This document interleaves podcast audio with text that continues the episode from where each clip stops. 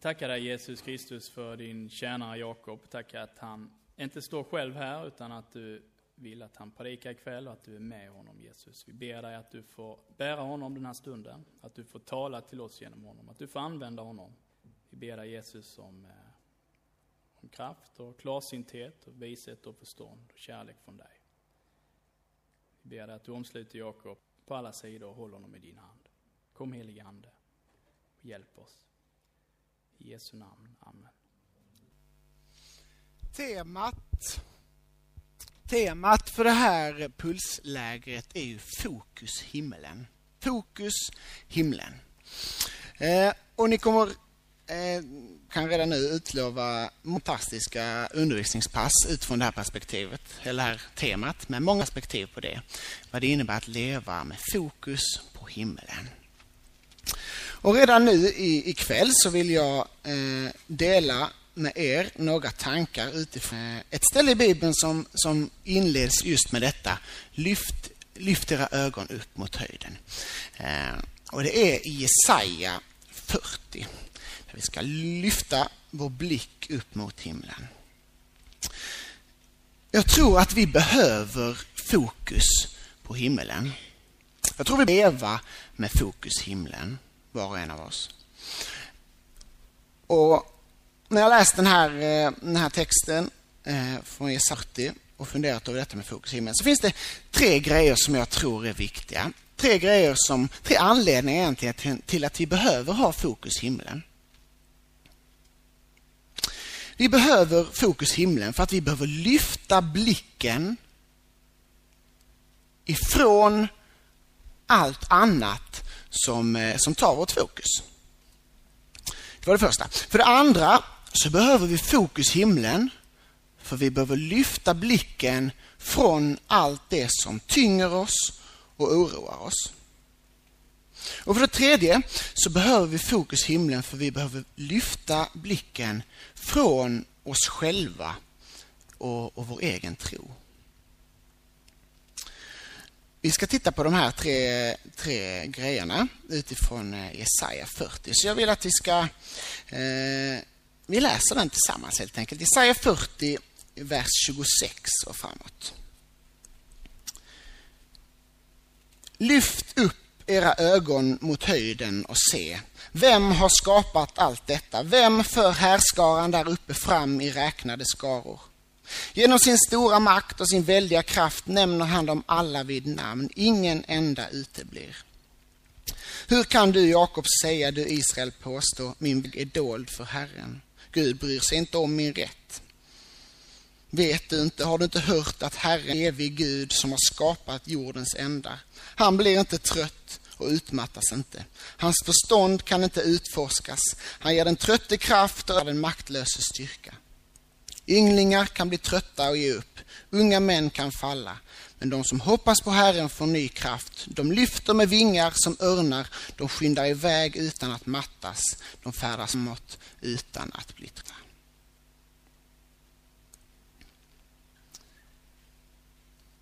Tre perspektiv alltså.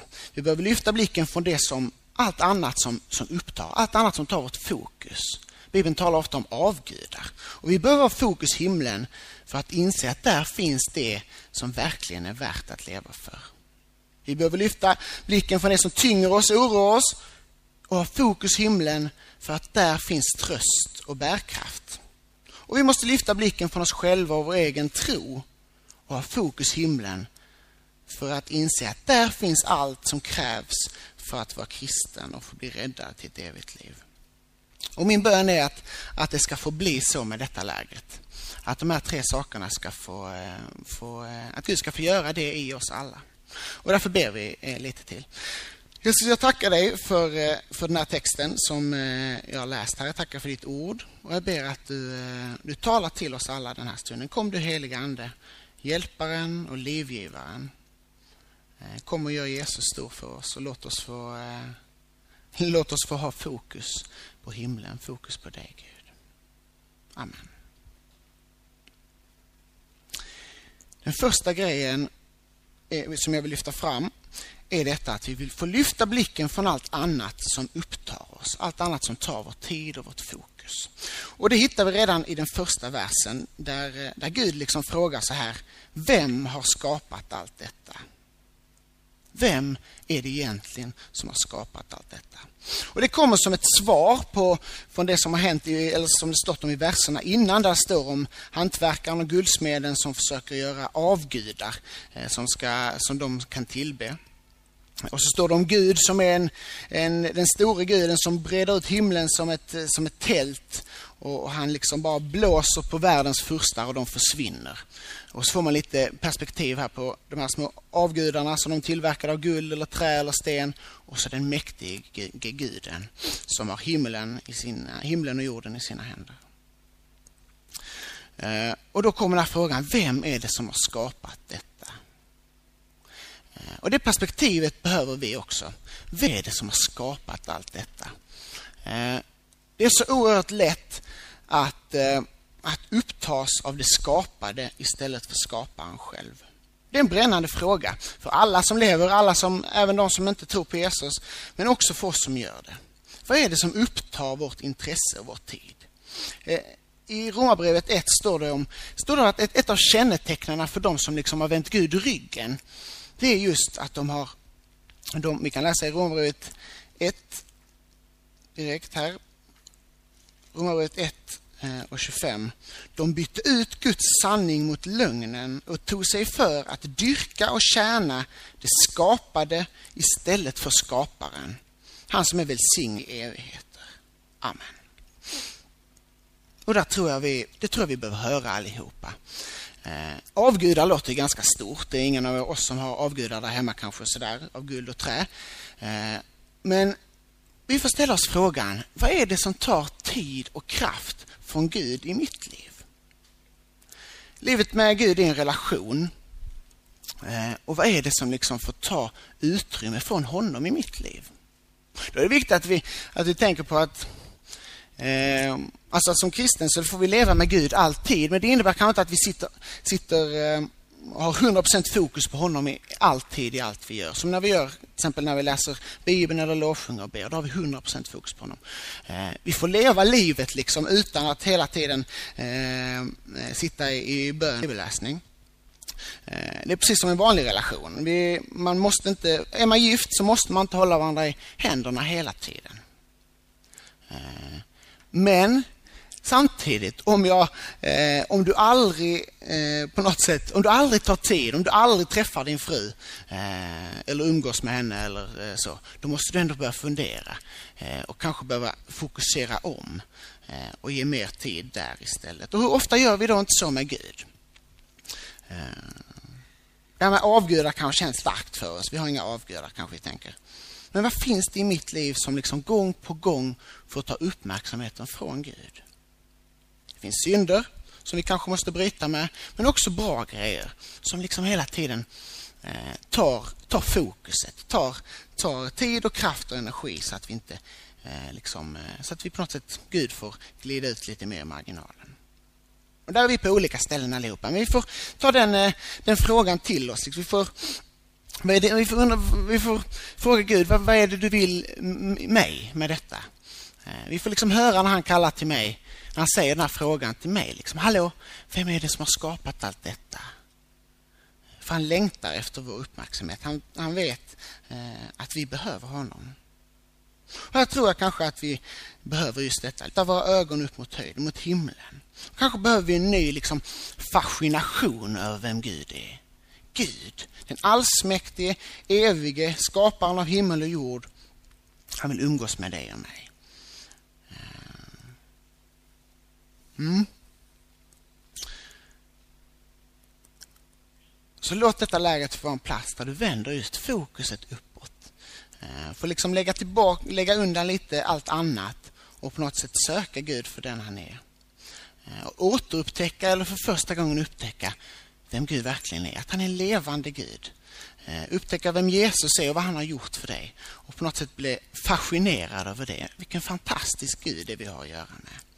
Så att vi de här dagarna får ha fokus på himlen, liksom, inte på allt annat. Men också åka härifrån med ett fokus på himlen.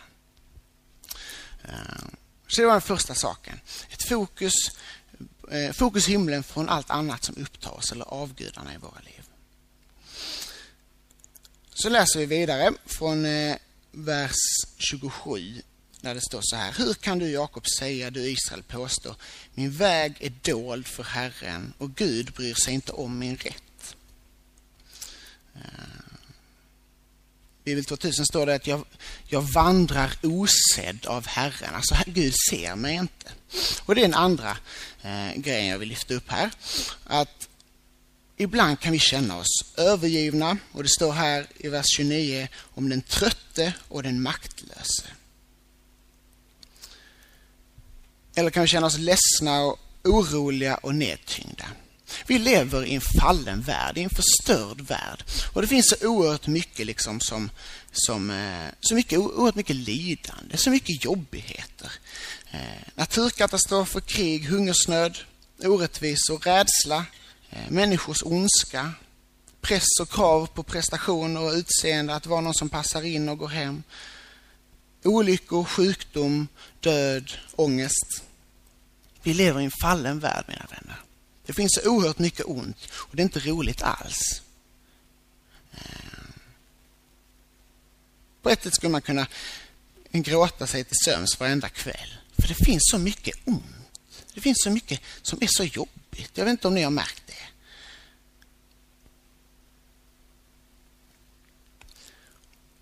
Och mitt i allt detta kanske vi dessutom ställer frågan, ser Gud mig överhuvudtaget? Har Gud övergett mig? Bryr han sig om mig? Eh, kan han göra något? Eh, ja, jag tror att han har skapat den. Jo, jag tror att han har dött på ett kors. Men ser han mig? Ser han mig? Bryr han sig om mig? Har han makt att göra något? Har han makt att rädda mig, hjälpa mig i den situationen jag står i? Ser han att jag liksom att, ser han allt det jag får bära på? Ser han hur jobbigt jag har det? Ser han att jag liksom inte orkar mer? Och så kommer svaret i, eh, i här i vers 28-29. Herren är en evig Gud som har skapat jordens ändar. Han blir inte trött, han utmattas inte, hans förstånd kan inte utforskas. Och så kommer ett fantastiskt löfte. Han ger den trötte kraft och ökar den maktlöse styrka. Det är ett fantastiskt löfte. Han ger den trötte kraft och ökar den maktlöse styrka. Och vers 31 står det, de som hoppas på Herren får ny kraft. Det här ordet hopp, alltså det är det, detta att, att liksom stå mitt i kaoset, inte ha någon aning om hur, inte se någon väg ut. Men att på något sätt hoppas och vänta och lita på Gud mitt i den situationen. Så ger Herren ny kraft. Vi får lita på att han har omsorg om oss och att han har koll. Vi får skrika ut vår smärta, vår frustration och vår ilska. Men vi, måste, men vi får tro på det löftet. Att han ser och han bryr sig. Och löftet är inte att, att allt ska bli enkelt. Eh, han kan gripa in och han gör det ibland. Men löftet är på ett sätt ännu större. Det är detta att han ger ny kraft. Han ser dig och han ger precis det som du behöver.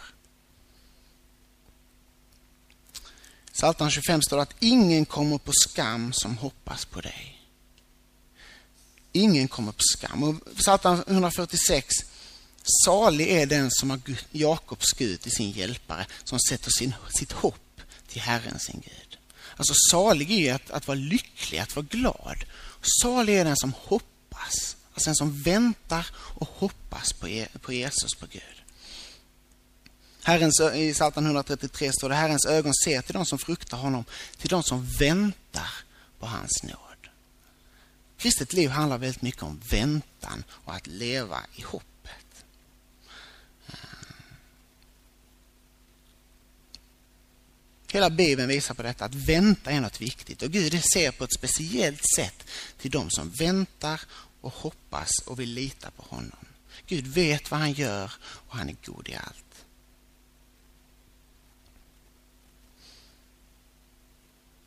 Så vi får vänta och hoppas på honom, att han ska gripa in på ett konkret sätt, för det kan han. Hela upprätta och hjälpa oss på eh, vad vi behöver hjälp med. Eh, men samtidigt får vi också vara trygga i det löftet att vi är burna. Eh, och vänta på det att han en dag ska skapa nya himlar och en ny jord där allt är perfekt, där allt är bra och där vi på något sätt får, får vila ut, där all ondska är utslängd för evigt. Så därför finns det tröst att upptäcka himlen i fokus himlen till oss som lever i en fallen värld. Alltså dels att han bär oss och ger oss ny kraft varje dag om vi hoppas, vi får hoppas på honom. Men dels så kan vi redan nu liksom hämta kraft, hämta tröst i det som ska komma. Vi vet att en dag ska allt bli bra. Det står att han ska torka allas våra tårar. I himlen finns ingen sjukdom, ingen död, ingen olycka, ingen ondska eh, och ingen rädsla. Och här tror jag det finns en nyckel, att vi redan nu liksom kan tröstas och glädjas över det som en dag ska komma. Eh, Romarbrevet 5 står det till med, eh, vers 2, att vi kan jubla i hoppet mitt i lidandet. Det är lite som, alltså, jag menar att det som ska komma, det kan redan nu ge oss sån glädje. Det är lite som på julafton, när du vet, säg att alla andra runt omkring dig har fått varsitt paket, eller två eller tre paket, och så har inte du fått något. Ganska taskig situation. Samtidigt som du ser liksom att det, det största paketet som ligger under julgranen, det står ditt namn på. Alltså på något sätt, du vet att något fantastiskt ska komma. Och då gör det inte någonting nästan att du inte har några paket alls just nu, för du vet att det ska komma något som kommer ge mig glädje sen. Och det kan ge dig glädje redan nu.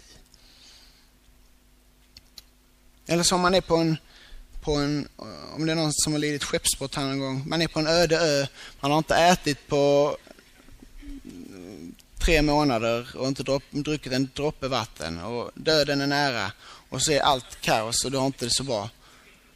Det är en katastrofsituation, eller hur? Men så ser du liksom den här räddningshelikoptern komma rakt mot din ö där. De har sett dig. Och på ett sätt, det förändrar inte din situation på ön ett dugg, eller hur? Du är precis lika hungrig, inte käkat på tre månader eller vad det var. Och döden är lika nära. Samtidigt så förändras precis allting. För du vet att något är på väg som ska förändra allt. Och det gör att du redan nu blir fantastiskt glad. Det hoppet får vi leva i också eh, inför det som ska komma. Alltså, han ska torka alla tårar då, i himmelen. Men därför kan vi redan nu eh, hämta tröst och glädje i det. Alltså, vi kan glädja oss nu över att vi kommer vara glada då, även om vi inte är det nu. Är ni med på den?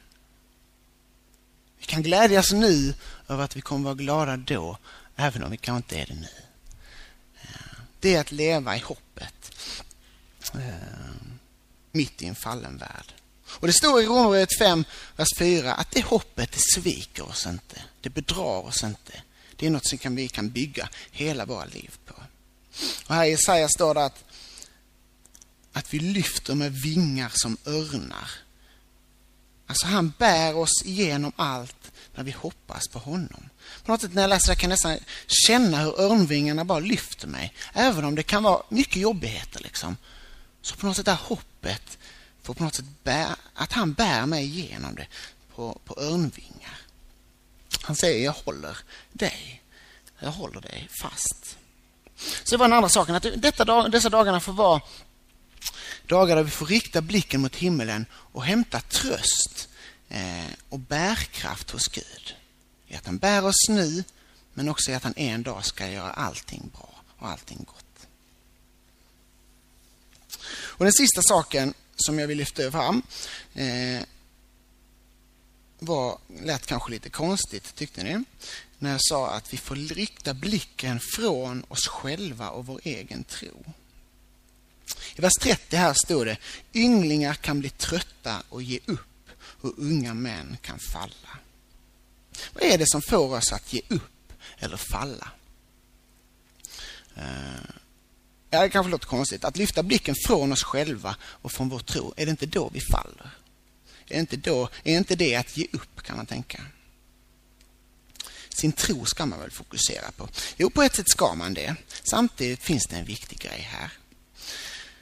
Eh, för det första, vi vet att genom tron på Jesus och vad han har gjort för oss eh, så får vi kallas kristna, Guds barn. Vi får kallas frälsta och, var, och eh, kunna bli räddade till evigt liv genom tron på Jesus. Så tron är utan tvekan ganska viktig, jätteviktig. Eh, och vi pratar ofta om vår tro som en relation med Gud och det är rätt och bra. Det är en relation som behöver vårdas. Precis som alla andra relationer behöver man tid tillsammans och prioritera det så att relationen, kan, eh, relationen och tron till Gud kan växa och bli stark och stabil. Och Det gör vi liksom genom att söka Gud, läsa Bibeln, be till honom, vara med honom så att han får låta så att vi får liksom en ännu starkare tro till honom. Det är jätteviktigt, absolut. Bibeln uppmanar oss till det. Så vad är det då jag menar med att vi ska lyfta blicken från detta? Jo, ibland kan jag uppleva att det blir sån oerhörd kramp över att jag ska få till min relation med Gud.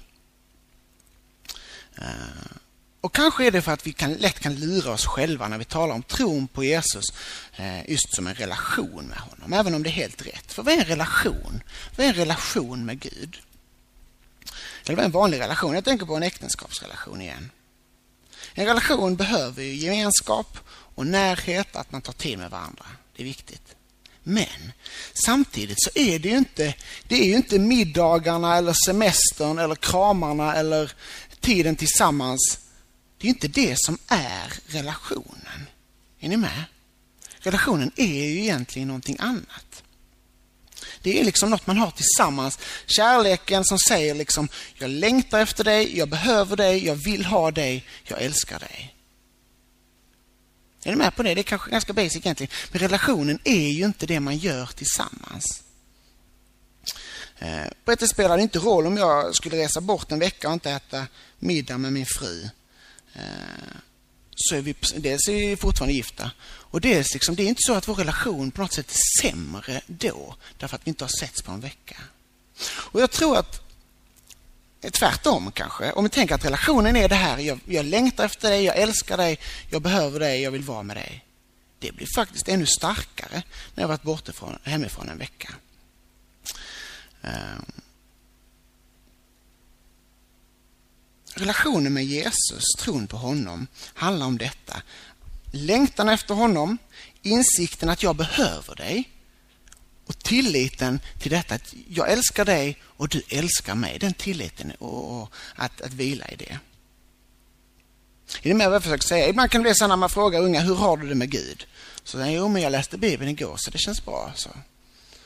Eller nej, jag glömde gå i kyrkan i söndags så det är, lite, det är, lite, det är inte så bra nu. Jag menar, det är inte det som är relationen med Gud. Ehm, det kan i och för sig vara ett tecken på hur det är med relationen om jag inte väljer att prioritera honom. Men relationen är ju något mycket större egentligen, något annat. Den viktiga frågan som vi kanske ska ställa oss är, är Jesus viktig för mig? Behöver jag honom?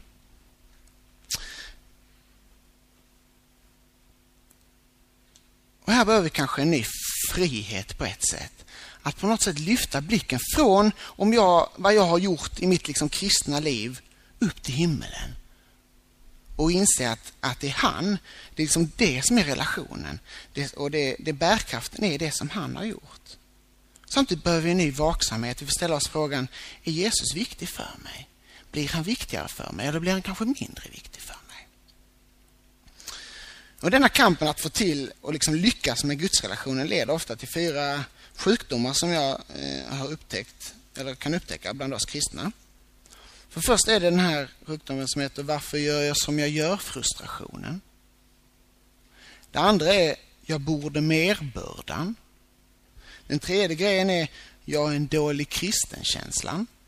Och den fjärde är Platsar jag-oron. Jag vet inte om ni känner igen några av dem. Eller kanske till och med har varit drabbad av dem. Eh, och så kan vi tycka det är lite konstigt. Ska jag som kristen, nu har jag fått möta Jesus, och fått fantastisk förlåtelse. Ska jag ha problem med detta? Eh, det får jag väl fixa till. Men så funkar inte det. Det blir kanske lite bättre, men du, du kommer liksom inte dit du vill i det kristna livet. Och så tänker du, det är något fel på mig. Jag kan uppleva att det är så många som går runt och känner sig lite knäckta över att det liksom inte blir så bra med Gud som de vill. Alltså på något sätt, när jag vet att Gud, liksom, det här som jag sa först, vem har skapat allt detta? Det är det fräckaste och häftigaste och största av allt. Men nu känner jag inte så. Och jag tycker inte det är så häftigt. Vad är det för fel på mig? Och jag orkar inte. Och jag hinner inte. Eh, jag skulle vilja så mycket mer. Men varför är jag som jag är? Och så, och så kanske vi faller, som det står här i vers, i vers 30. Att vi kan, ynglingar kan bli trötta och ge upp. Unga män kan falla. Men då faller vi eh, därför att vi slutar hoppas. Därför att vi tänker att vi inte duger. För visst drabbas vi av de här sjukdomarna ibland. Varför gör jag som jag gör? Frustrationen, jag borde merbördan, jag har en dålig kristenkänslan och platsar jag-oron. För visst, det är ju på ett sätt så. Eh, varför, det är ju problem med oss. Men medicinen till det är kanske inte att främst försöka lyfta sig själv lite till i håret utan att rikta min blick mot himlen och inse detta. Nej, jag kan inte. Jag lyckas inte. Jag gör inte som jag borde. Men just därför kom Jesus till, från himlen till jorden för att öppna dörren för dig och mig. Just därför dog han på korset. Och just därför får jag lyfta blicken mot himlen och inse att, som det står i Uppenbarelseboken om lammet som blev slaktat, i him- eh, som sitter på tronen i himlen, att, att där har jag allt, allt, allt, allt som jag någonsin behöver.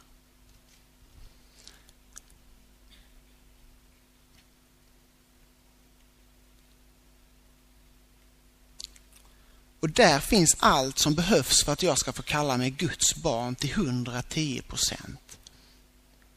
Det är jag liksom. Du är Guds barn och det är inget som du ramlar ut eller in i. Det är inget som dagsformen avgör om du är eller inte. Har du tagit emot Jesus, har du sagt ja till Jesus, tror du på honom, litar på honom, så är du Guds barn. Och den tryggheten finns på något sätt när du riktar blicken från dig själv upp till himlen.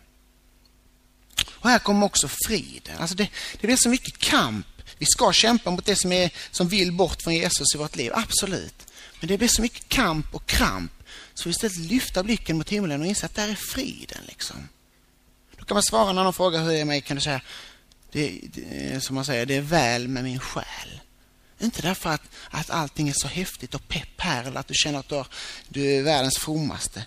Men därför att du vet att hur det är med din själ det är liksom något som, som är förankrat i himmelen, inte i hur du eh, lyckas i ditt, eh, i ditt kristna liv. Så kristen tro, visst är det en relation, men vad är en relation? Det är något mycket djupare. Det är det här att, att, eh, att behöva Jesus, att behöva, att lita på honom. Eh, tillit. Något vi får bäras av. Så det var de tre grejerna som jag ville lyfta fram. Och kanske finns du här, det här pulsläget, som just behöver fokusera om därför att det är så mycket annat som tar ditt fokus från Jesus, från Gud. Du måste fokusera på himlen. Kanske finns du här som behöver rikta blicken mot himlen för att få tröst och uppmuntran och inse att han bär dig. Och så är vi kanske här som behöver fokusera himlen, liksom bort, på himlen bort från vår egen strävan och kramp i vårt kristna liv. Och på något sätt återupptäcka evangeliet egentligen. Att i himlen har du allt du behöver för att, vara Guds, för att få vara Guds barn. Och då är svaret liksom detta att de hoppas på Herren. Alltså, när blir det problem utifrån Jesaja 40? Är det när de inte har fokus? Är det när de är trötta och maktlösa eller känner sig övergivna? Eller är det när de faller? Nej, det är inte det som är problemet. Problemet är om vi slutar hoppas, slutar leva i hoppet eh, och tilliten till, till Herren. Salig är den som sätter sitt hopp till Herren. Alltså inte den som är mest fokuserad eller den som blir bönhörd eller den som lyckas med sitt kristna liv. Salig är den som hoppas på Herren, litar på honom. De som hoppas på Herren eh, får ny kraft. De lyfter med vingar som örnar och skyndar iväg utan att mattas. Vi får bäras framåt eh, av Gud. Därför behöver vi fokus himlen. Det tror jag. Eh, och det ber vi för.